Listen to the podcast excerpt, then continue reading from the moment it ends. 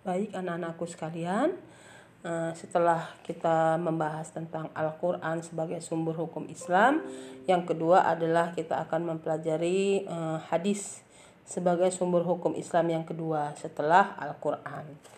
Ya, hadis menurut bahasa artinya perkataan atau ucapan. Ya, hadis adalah segala perkataan, perbuatan dan ketetapan yang berasal dari Nabi kita Muhammad Sallallahu Alaihi Wasallam. Ya, jadi perkataan, perbuatan, ya ketetapan ataupun diamnya Nabi itulah yang disebut dengan hadis. Nah, hadis sebagai sumber hukum Islam yang kedua. Nah, hadis menjadi sandaran jika suatu perkara tidak terdapat dalam Al-Qur'an. Ya, jadi apabila ada sesuatu perkara ya hukum yang kita di dalam Al-Qur'an tidak dijelaskan, maka kita bisa melihat hadis. Ya, biasanya kalau di Al-Qur'an tidak dijelaskan dengan uh, dengan detail, maka kita bisa melihatnya dari hadis ya hadis Nabi Muhammad Alaihi Wasallam ya jadi Allah berfirman dalam surat Al-Has Al-Hasr ya surat ke-59 ayat 7. Bismillahirrahmanirrahim. Wa ma atakumur rasulu fakhuzuhu wa ma nahakum anhu fa fantahu wattaqullah innallaha syadidul iqab. Artinya apa yang diberikan Rasul kepadamu maka terimalah dan apa yang dilarangnya bagimu maka tinggalkanlah dan bertakwalah kepada Allah sungguh Allah sangat keras hukumannya ya jadi itu Allah uh, berfirman ya dalam surah Hasr ya bahwasanya Allah uh, memerintahkan kepada kita umat manusia untuk mem, uh, apa yang diberikan Rasulullah atau Rasul atau Nabi harus kita bisa menerimanya dan apa yang dilarangnya juga kita harus tinggalkan. Ya, hadis Rasulullah SAW itu bersumber pada Al-Quran, ya, yang dipraktikkan oleh Rasulullah. Jadi kalau orang bilang Rasulullah itu adalah Al-Quran berjalan. Jadi segala tindak tanduk, perkataan, perbuatan, diamnya Nabi, ketetapannya itu semuanya berdasarkan kepada Al-Quran yang dia diterapkan Nabi dalam kehidupannya sehari-hari. Nah, kepribadian Rasulullah merupakan perwujudan eh, perwujudan Al-Quran yang ditafsirkan serta ajaran Islam dijabarkan sebagai bagian petunjuk bagi manusia. Seperti itu ya. Jadi hadis ini memiliki kedudukan nomor dua setelah Al-Qur'an. Kenapa? Karena hadis ini uh, Rasulullah ya perkataan Nabi yang ber, yang sekarang disebut dengan hadis ini adalah bersandar dari Al-Qur'an. Sekarang kita pelajarin bagian-bagian hadis ya. Hadis itu ada bagiannya. Yang pertama namanya sanat ya. Sanat adalah orang yang menyampaikan hadis atau silsilah orang yang menghubungkan kepada matan hadis ya jadi sanat itu orang yang menyampaikan hadis ya orang yang menyampaikan hadis ya Nah, atau silsilah orang yang menghubungkan ya. Jadi orang yang menghubungkan uh, hadis itu ke matan. Nah, kalau matan apa matan? Matan itu materi hadis yang tempat penulisannya sesudah sanat dan sebelum rawi ya. Jadi kalau isi hadis itu di tengah-tengah adanya. Jadi kalau sanat itu di awal, di awal hadis. Ya. Nah, di awal hadis. Kalau sa uh, tadi kalau sanad itu di awal hadis yang menghubungkan ya antara uh, atau yang menyampaikan atau yang menghubungkan ya kepada matan hadis. Matan hadis itu apa? Matan hadis adalah uh, materi ya, materi hadis yang uh, akan disampaikan ya dan rawi kalau rawi itu adalah orang yang meriwayatkan misalnya hadis uh, riwayat Bukhari wa Muslim nah Bukhari dan Muslim itu adalah rawi perawi yang meriwayatkannya ya yang meriwayatkan hadis tersebut seperti itu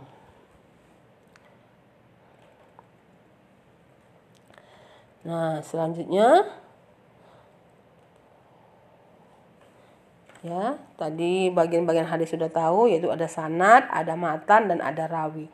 Sanad yang uh, pembuka di depan kalau matan isi, isi hadisnya dan yang rawi yang meriwayatkannya, yang meriwayatkan hadis tersebut.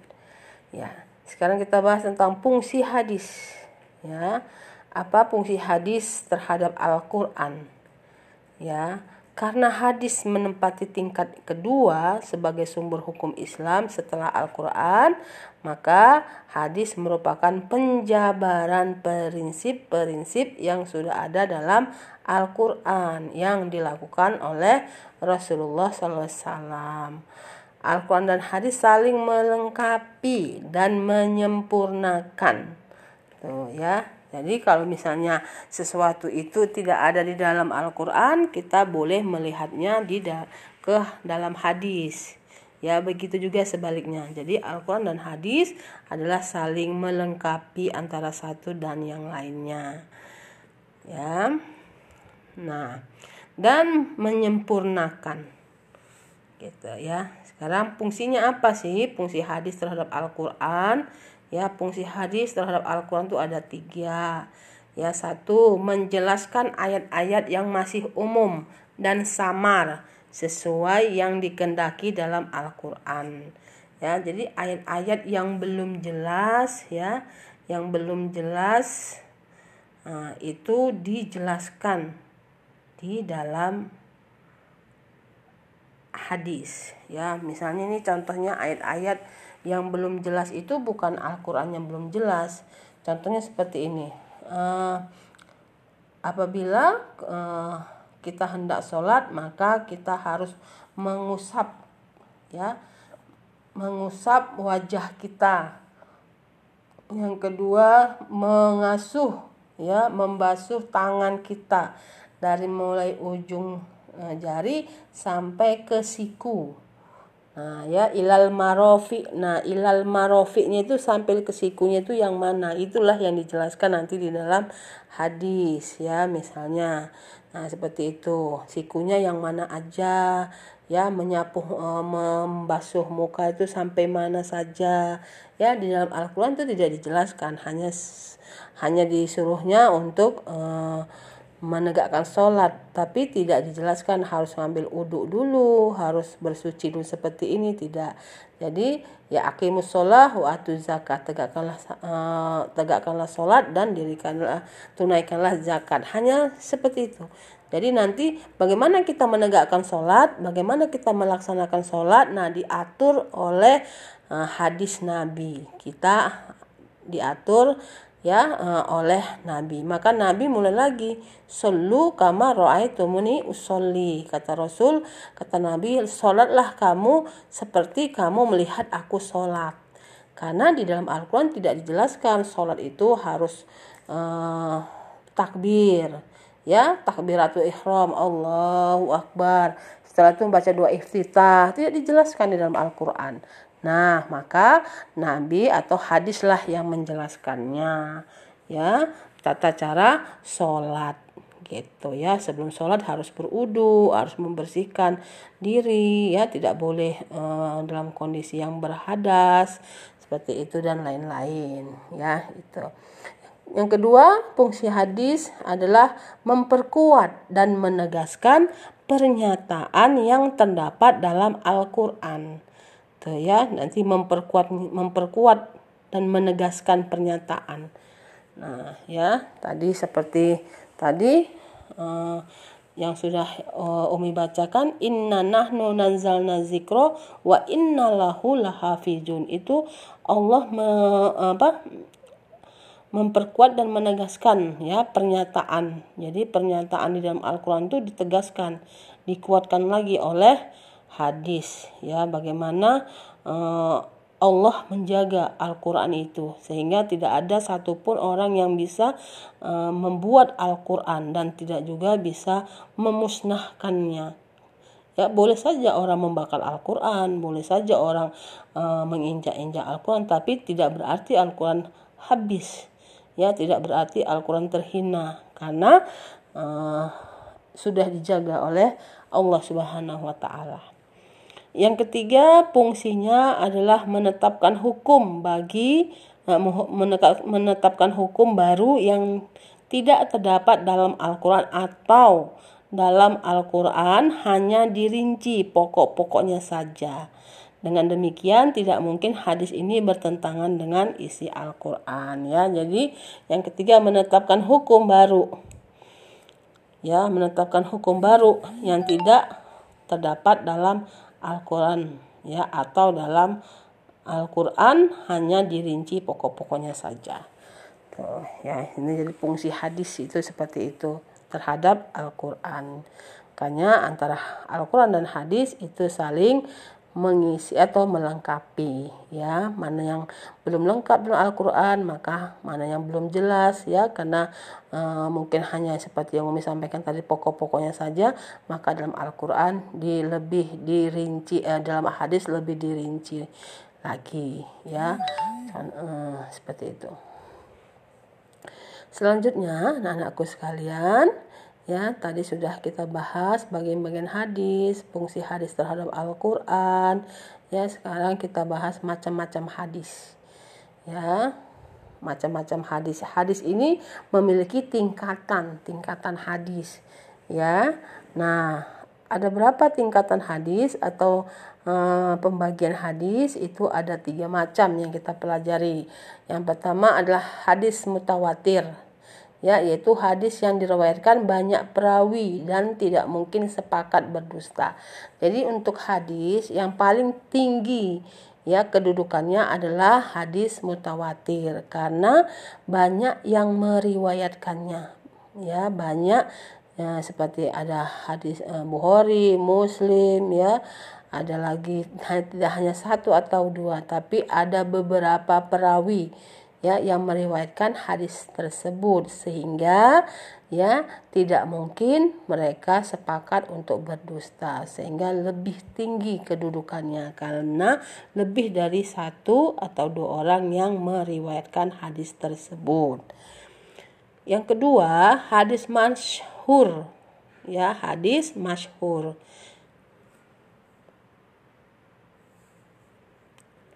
Hadis masyhur yaitu hadis yang diriwayatkan dua orang perawi.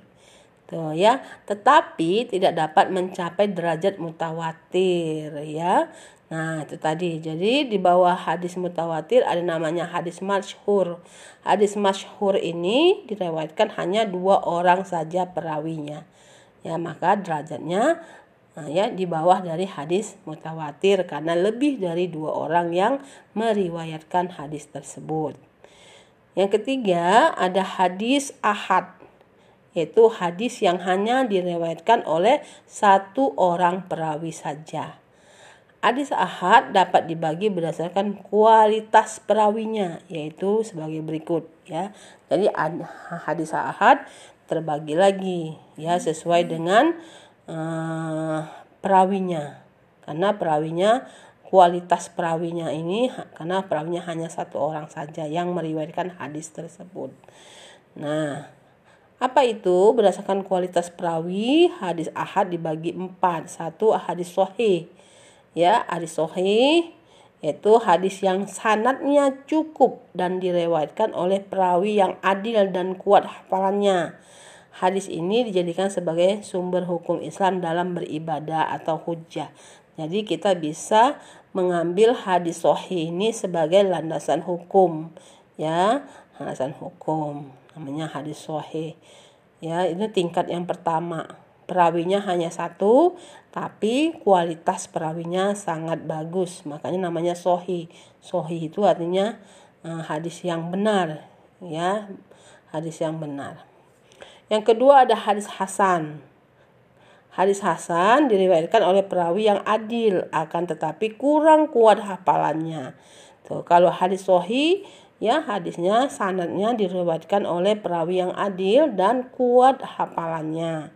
Kalau hadis hasan ya diriwayatkan oleh perawi yang adil tetapi kurang kuat hafalannya. Nah, akan tetapi sanatnya bersambung dan dapat dijadikan juga sebagai landasan dalam mengerjakan suatu amal ibadah atau memutuskan suatu hukum di dalam Islam. Tuh ada sanat. Ya karena eh, sanatnya bersama hadis Hasan sanatnya bersambung. Jadi antara yang meriwayatkan yang pertama tadi sanat ya dengan dengan matan dengan isinya itu nyambung, tidak terputus. Nah, itu namanya hadis Hasan. Walaupun ada kekurangannya, yaitu perawinya kurang kuat hafalannya. Makanya dia di bawah dari hadis sahih. Nah, yang ketiga hadis doif. Ya, nah hadis doif ini adalah hadis yang lemah. Namanya doif. Doif itu lemah. Hadis yang tidak memiliki atau memenuhi kualitas sebagai hadis sahih dan hadis hasan. Kenapa? Karena periwayatnya ya uh, kurang adil dan kurang uh, haf hafalannya kurang kuat gitu. Sehingga hadis itu disebut dengan hadis doif ya. Dan hadis doif ini tidak dapat dijadikan sebagai landasan hukum atau hujah apabila kita mengambil suatu hukum ya dari hadis kita lihat dulu hadisnya. Ini hadisnya hasan hadis sohe hadis hasan atau hadis doif. Kalau hadis doif maka kita tidak boleh mengambilnya sebagai landasan hukum atau hujah. Nah, terakhir adalah hadis maudu. Hadis maudu adalah hadis yang tidak bersumber dari Rasulullah Wasallam. Hadis maudu juga disebut dengan hadis palsu ya. Jadi kalau hadis itu bisa dipalsukan karena hadis itu berasal dari perkataan, perbuatan dan ketetapan dari Nabi kita Muhammad SAW. Jadi Nabi kita Muhammad kan manusia biasa.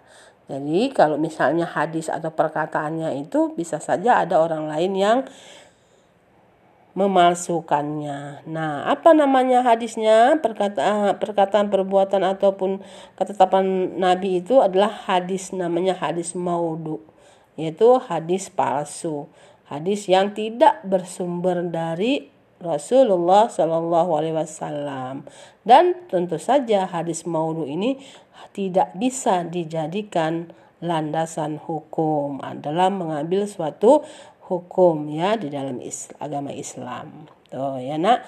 Jadi hadis itu banyak sekali ya. Hadis yang paling tinggi adalah macam-macam hadis ada tiga ada hadis mutawatir ada hadis masyhur dan ada hadis ahad hadis ahad adalah yang diriwayatkan oleh satu orang perawi. Dibagi lagi berdasarkan kualitas perawi, perawinya tersebut karena hanya satu orang. Menjadi ada hadis sahih ada hadis hasan ada hadis doif dan ada hadis maudhu Nah, itu anak-anakku sekalian tentang hadis Nabi ya. Semoga kalian sudah paham. Kalau belum paham boleh nanti kita uh, diskusikan di forum uh, Google Classroom kalian ya nak ya.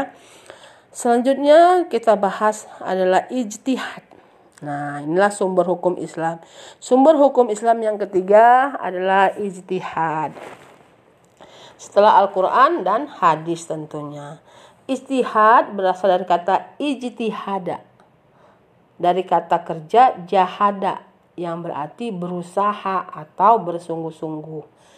Ijtihad dilakukan untuk menetapkan suatu hukum yang tidak secara jelas ditetapkan di dalam Al-Quran dan hadis.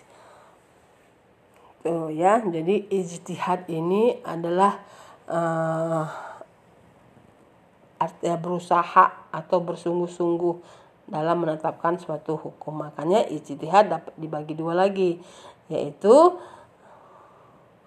uh, dibagi dua lagi tadi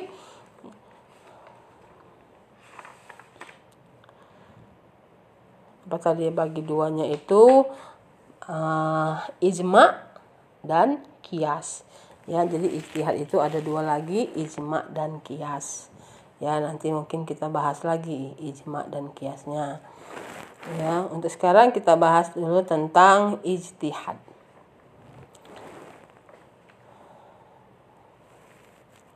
Ijtihad dilakukan untuk menetapkan suatu hukum.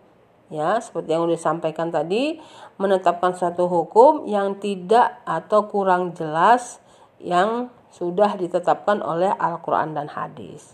Akan tetapi, ijtihad tidak boleh bertentangan dengan isi kandungan Al-Quran dan hadis. Jika suatu hukum tidak ditentukan jawabannya secara jelas di dalam Al-Quran maupun di dalam hadis, maka dapat mengambil hasil ijtihad yang dilakukan mujtahid. Mujtahid itu adalah orang-orang yang melakukan ijtihad. Seseorang yang berijtihad dengan ilmunya dan ijtihadnya itu benar, maka akan mendapatkan dua pahala. Tetapi jika ijtihadnya salah, maka akan mendapatkan satu pahala. Ya, jadi kalau orang-orang yang mengambil suatu hukum tidak terdapat Al-Quran dan hadis tidak terlalu dirinci maka oleh eh, orang-orang yang memiliki ilmu seperti ulama-ulama ya itu bisa mengambil suatu uh, ijtihad ya bersungguh-sungguh untuk berdasarkan ilmu pengetahuan agama yang dimilikinya untuk mengambil suatu hukum tapi tetap berdasarkan pengambilan hukum itu berdasarkan kepada Al-Qur'an dan hadis. Nah, sekarang kita bahas tadi seperti yang udah Umi sampaikan ijtihad itu dibagi menjadi dua ya melahirkan uh, beberapa bagian yaitu bagian pertama adalah ijma Ijma adalah kesepakatan mujtahid ya dalam menetapkan hukum agama sesuai dengan Al-Qur'an dan hadis dari suatu peristiwa. Ijma dilakukan dalam merumuskan hukum yang tidak disebutkan secara khusus di dalam Al-Quran dan hadis. Contohnya, ijma, ij, ijma pada masa sahabat yaitu adanya kesepakatan menghimpun lembaran-lembaran Al-Quran untuk dikumpulkan dan dijadikan mushaf. Tuh, itu contohnya itu. Ya, contohnya kesepakatan para sahabat untuk mengumpulkan lembaran-lembaran Al-Quran ya untuk dijadikan mushaf. Karena pada masa Rasulullah Al-Quran itu ya uh, ditulis, ada yang di daun, ada yang di kelepah pis, kelepah uh, batang-batang Eh, ranting-ranting pohon ya kayu gitu ya. Ada yang dihafalkan oleh para sahabat. Jadi itu adalah salah satu ijma ya para sahabat untuk uh, mengumpulkan ya lembaran-lembaran Al-Qur'an tadi yang masih tersimpan di uh, berbagai uh, tempat penulisannya untuk dijadikan satu mushaf yang kedua kias. Kias adalah menyamakan, maksudnya menetapkan suatu hukum pada perkara baru dengan perkara yang sudah dijelaskan di dalam Al-Quran dan hadis. Nah, karena adanya kesamaan sebab, karakter, manfaat atau aspek lainnya. Ya, contoh kias adalah menggunakan narkotika dikiaskan dengan meminum homar karena kesamaan sifat dan ke karakter yang menghilangkan kesadaran. Itu kias ya. Contohnya misalnya ya narkoba itu sama haramnya dengan meminum minuman keras. Gitu ya. Orang yang narkoba, orang yang memakai narkoba itu dikiaskan atau disamakan dengan orang yang suka meminum minuman keras. Kenapa disamakan orang memakai narkoba dengan minuman keras karena memiliki sifat yang sama. Apa sifat yang sama? Sama-sama menghilangkan kesadaran, sama-sama membuat uh, kerusakan uh, di dalam tubuh manusia. Ya, seperti itu. Narkoba bisa merusak uh, otak, merusak urat-urat syaraf. Termasuk meminum minuman keras juga dapat merusak ya, merusak uh, urat uh, syaraf ataupun bisa merusak eh, jantung ya. Nah, jadi sama-sama bisa merusak anggota tubuh. Ya, maka disamakan dia antara pengguna narkoba dan yang meminum minuman keras. Seperti itu. Itu contoh kiasnya, ya, Nak. Baik, selanjutnya uh, ada maslahah mursalah. Ya, maslahah mursalah adalah penetapan hukum berdasarkan kegunaan. Ya, jadi tadi ijtihad itu terbagi tiga, dibagi tiga lagi ada ijma, ada kias dan ada maslahah mursalah.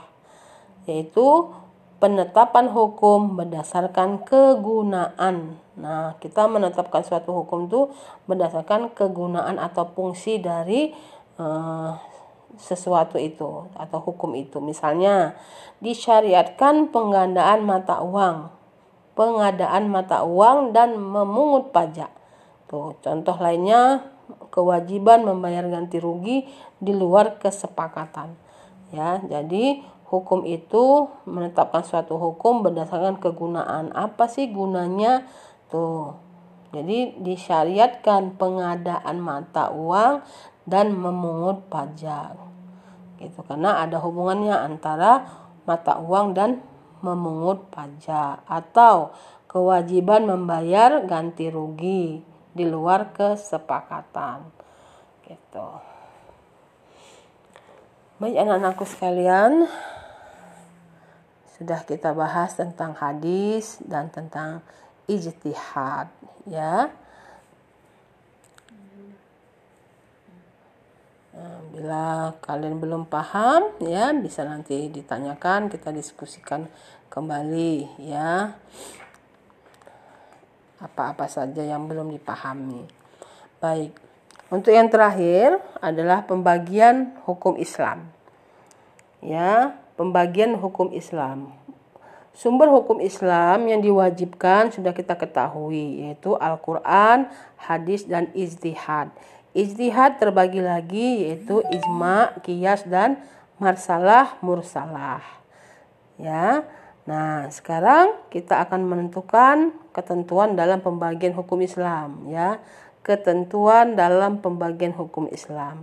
Secara garis besar, pembagian hukum Islam dikenal dengan hukum taklifi dan hukum wadi'i. Tuh, ini lebih yang lebih uh, mudah ya yang setiap hari kita lakukan. Apa itu hukum taklifi? Nah, hukum taklifi yaitu hukum yang berbentuk tuntutan atau pilihan. Apa maksudnya? Tuntutan Allah kepada siapa? Kepada kita hambanya untuk melakukan atau meninggalkan sesuatu atau memilih di antara keduanya. Jadi itu namanya hukum taklipi yaitu hukum yang berbentuk tuntutan atau pilihan. Ya, jadi Allah itu menyuruh kita, kita harus memilih. Kita mau memilih jalan yang lurus atau jalan yang sesat.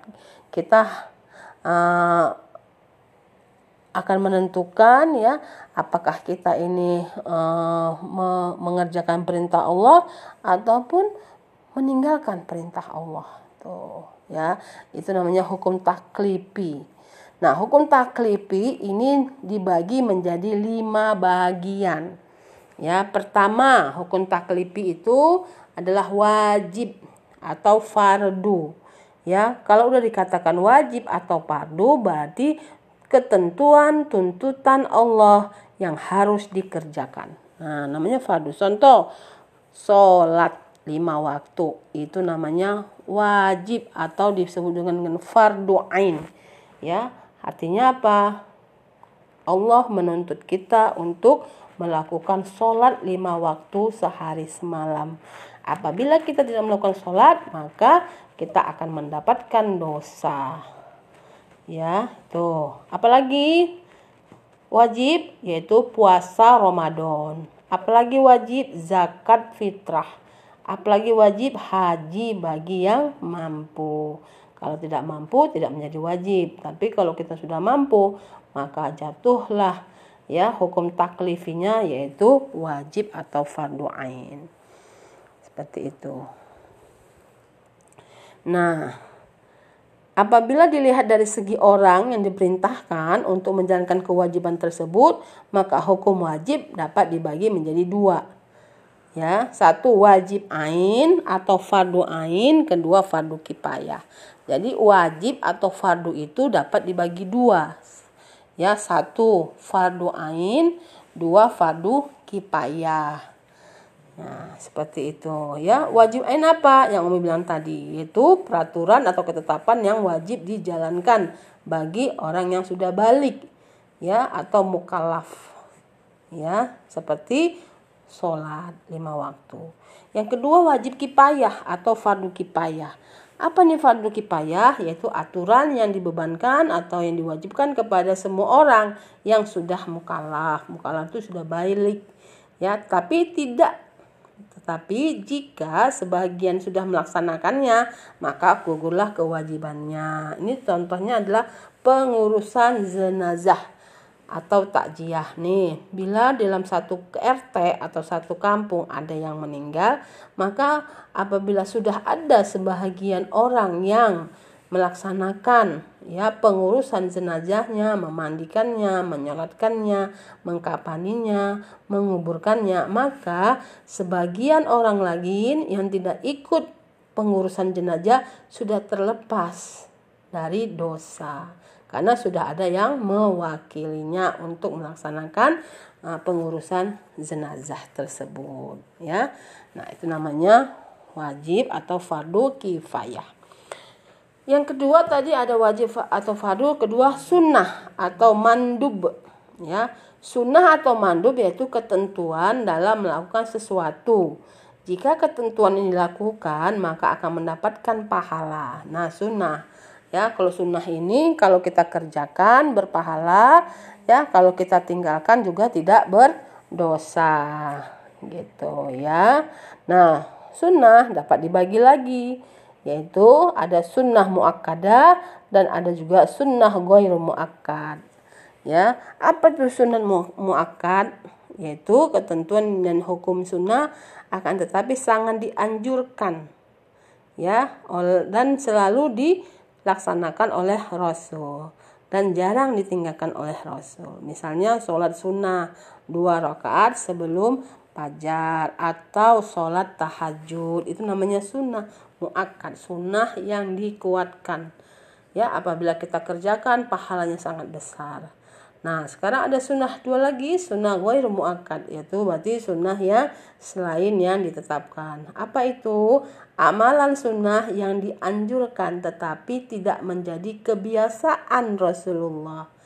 Ya, jadi tadi sunnah dibagi dua lagi, ada sunnah sunnah muakkad, sunnah yang dianjurkan, ya, dan selalu dilaksanakan oleh Rasul. Yang kedua, sunnah ghairu muakkad yaitu sunnah yang dianjurkan tetapi tidak menjadi kebiasaan Rasulullah. Gitu ya. Apa itu contoh ghairu muakkadah? Ya selain misalnya yang ghairu muakkadah itu muakkad itu ya bisa yang tidak selalu menjadi uh, Rasulullah tidak selalu mengerjakannya ya nak ya berbeda dengan yang uh, muakkadah ya ada sholat tahajud ada sholat sebelum fajar ya itu yang selalu dilaksanakan oleh Rasulullah SAW. Yang ketiga adalah haram atau tahrim. Kalau namanya haram berarti ini adalah suatu bentuk larangan Allah untuk dikerjakan. Ya, apabila dikerjakan maka akan mendapatkan dosa. Kalau kita tinggalkan maka kita akan mendapat pahala itu haram. Yang keempat makruh atau karoba, karohah. Ya, makruh atau karohah artinya tuntutan Allah untuk meninggalkan sesuatu. Orang yang meninggalkan kemakruhan akan mendapatkan pahala. Tetapi jika tidak dikerjakan pun tidak mendapat dosa. Itu makruh ya. Kalau kita kerjakan dapat pahala, kita tinggalkan pun tidak. Uh, kalau kita kerjakan, uh, kalau kita tinggalkan kita mendapat uh, pahala. Tapi kalau kita lakukan pun kita kerjakan tidak mendapat dosa. Sekarang mubah terakhir atau al-ibahah. Ya, mubah atau al-ibahah itu suatu perkara yang boleh dikerjakan. Ya, namanya boleh. Ya, contoh diperbolehkan berburu setelah selesai mengerjakan haji. Ya, seperti itu. Jadi hukum taklifi itu terbagi lima. Ada yang namanya wajib ya ada namanya wajib. Umi ulang lagi wajib atau fardu. Nah fardunya terbagi dua ada fardu ain ada fardu kipayah. Yang kedua sunnah ya atau mandub. Mandub. Sunnah juga dapat dibagi dua ada sunnah muakkad dan ada sunnah goir muakkad. Yang ketiga adalah haram yang keempat makruh dan yang kelima adalah mubah. Nah terakhir Terakhir yang kita bahas adalah hukum wad'i. Tadi hukum taklifi, sekarang hukum wad'i. Apa itu hukum wad'i, nak? Ya, adalah ketentuan Allah Subhanahu taala yang menjadi sebab, syarat atau penghalang bagi ketentuan yang lain. Ya, hukum taklibi, hukum wad'i dalam ilmu hukum disebut dengan pertimbangan hukum. Apa pertimbangan hukumnya? Satu, karena ada sebab. Ya, sesuatu yang menjadi tanda adanya hukum dan tidak ada sebab tidak adanya hukum. Tuh ya, jadi karena ada sebabnya tadi maka adanya hukum. Ya, kita lihat dulu nih. Firman Allah dalam Al-Qur'an surah Al-Maidah ayat 6. Bismillahirrahmanirrahim. Ya ayyuhalladzina amanu idza kuntum ila shalah faghsilu wujuhakum wa aydiyakum ilal marafi' wamsahu biru'usikum wa arjulakum ilal ka'bain. Hmm. Apa artinya? Wahai orang-orang yang beriman, apabila kamu hendak melaksanakan sholat, maka basuhlah wajahmu dan tanganmu sampai ke siku, dan sapulah kepalamu dan e, kedua kakimu sampai kedua mata kaki.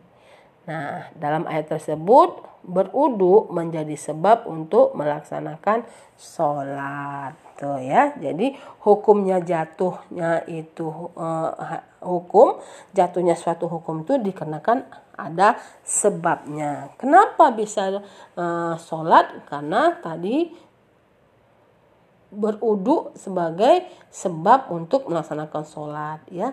Kalau kita mau melaksanakan sholat kita harus berudu dulu Nah, karena kita sudah berwudu, maka kita uh, melaksanakan sholat. Tuh, jadi wudhu itu sebab ya untuk kita melakukan sholat. Kalau kita nggak melakukan sholat, bisa jadi kita tidak berwudu. Ya, tapi kalau kita sudah melakukan sholat, maka hukumnya wajib untuk melaksanakan wudhu terlebih dahulu. Yang kedua, syarat. Tadi sebab kedua syarat. Syarat yaitu sesuatu yang menjadi pelengkap terhadap perintah yang menjadikan tidak sah suatu perintah kecuali dengan syarat tersebut. Tuh. Ya, jadi hukumnya jatuh apabila ada satu sebab, kedua ada syarat. Misalnya, syarat adanya wali dalam suatu pernikahan, tetapi syarat tersebut diikuti dengan adanya syarat-syarat pernikahan lainnya. Tuh ya. Jadi, syarat pernikahan itu adalah wali. Kalau walinya tidak ada, maka pernikahannya tidak sah. Gitu ya. Jadi harus ada syaratnya. Syaratnya apa? Ya kalau menikah ada walinya. Ya, seperti itu. Ada ijab kabulnya. Jadi ijab kabul atau wali itu adalah sebagai syarat sahnya suatu pernikahan. Yang ketiga adalah penghalang. Jadi, artinya sesuatu yang keberadaannya meniadakan suatu hukum atau membatalkan suatu sebab. Tuh, misalnya, ahli waris terhalang mendapatkan waris karena perbedaan agama. Tuh, contohnya tuh ya. Jadi namanya ada hukum wadai. Jadi, misalnya ya, kalau suatu keluarga ada yang berbeda agama, misalnya orang tuanya beragama Kristen, anaknya beragama Islam, maka orang tuanya itu tidak bisa mewariskan hartanya kepada anaknya. Begitu sebaliknya. Nah, begitu sebaliknya. Jadi, kalau tidak seagama, walaupun itu orang tua, ya orang tua kandung, anak kandung, maka tidak bisa ya menurunkan ya tidak bisa saling menurunkan waris. Nah, apa menjadi penghalang? Apa penghalangnya? Berbeda keyakinan. Tuh, ya, jadi sembarangan ya warisan itu bisa diberikan kepada orang yang sama-sama beragama Islam walaupun memiliki hubungan darah kalau tidak seagama maka ada penghalangnya yaitu perbedaan agama tersebut ya. Oke anak-anakku tadi hukum taklifi sudah Umi jelaskan ya. Hukum wadai sudah Umi jelaskan hukum taklifi ada lima ya. Wajib sunnah haram makruh mubah. Ada hukum wad'i ya. Hukum wad'i ada tiga ada sebab syarat dan penghalang. Ya mungkin hanya itu yang bisa Umi sampaikan penjelasan materinya. Umi berharap kalian sudah memahami dan uh, bisa bertanya bagi yang belum paham supaya karena ini adalah hukum dalam agama kita yang wajib kalian ketahui. Ya, jangan sampai kita orang Islam nggak paham tuh apa sih hukum di dalam Islam. Ya, Al-Qur'an, sunnah atau hadis dan ijtihad. Ijtihad terbagi dua lagi, ijma, kias. Satu lagi adalah apa tadi? Eh, masalah ya maslahah mursalah nah, ya jadi ada ijtihad tiga terbagi lagi ijma kias dan maslahah mursalah Tuh. baik anak-anakku sekalian semoga kita bisa menambah keimanan dan ketakwaan kita kepada Allah setelah kita tahu hukum-hukum uh, di dalam Islam ya begitu mulianya Al-Qur'an hadis ijtihad yang saling berkaitan antara satu dengan yang lainnya.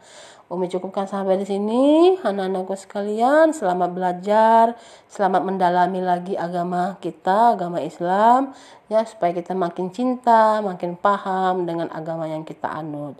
Sekian dari Umi. Assalamualaikum warahmatullahi wabarakatuh.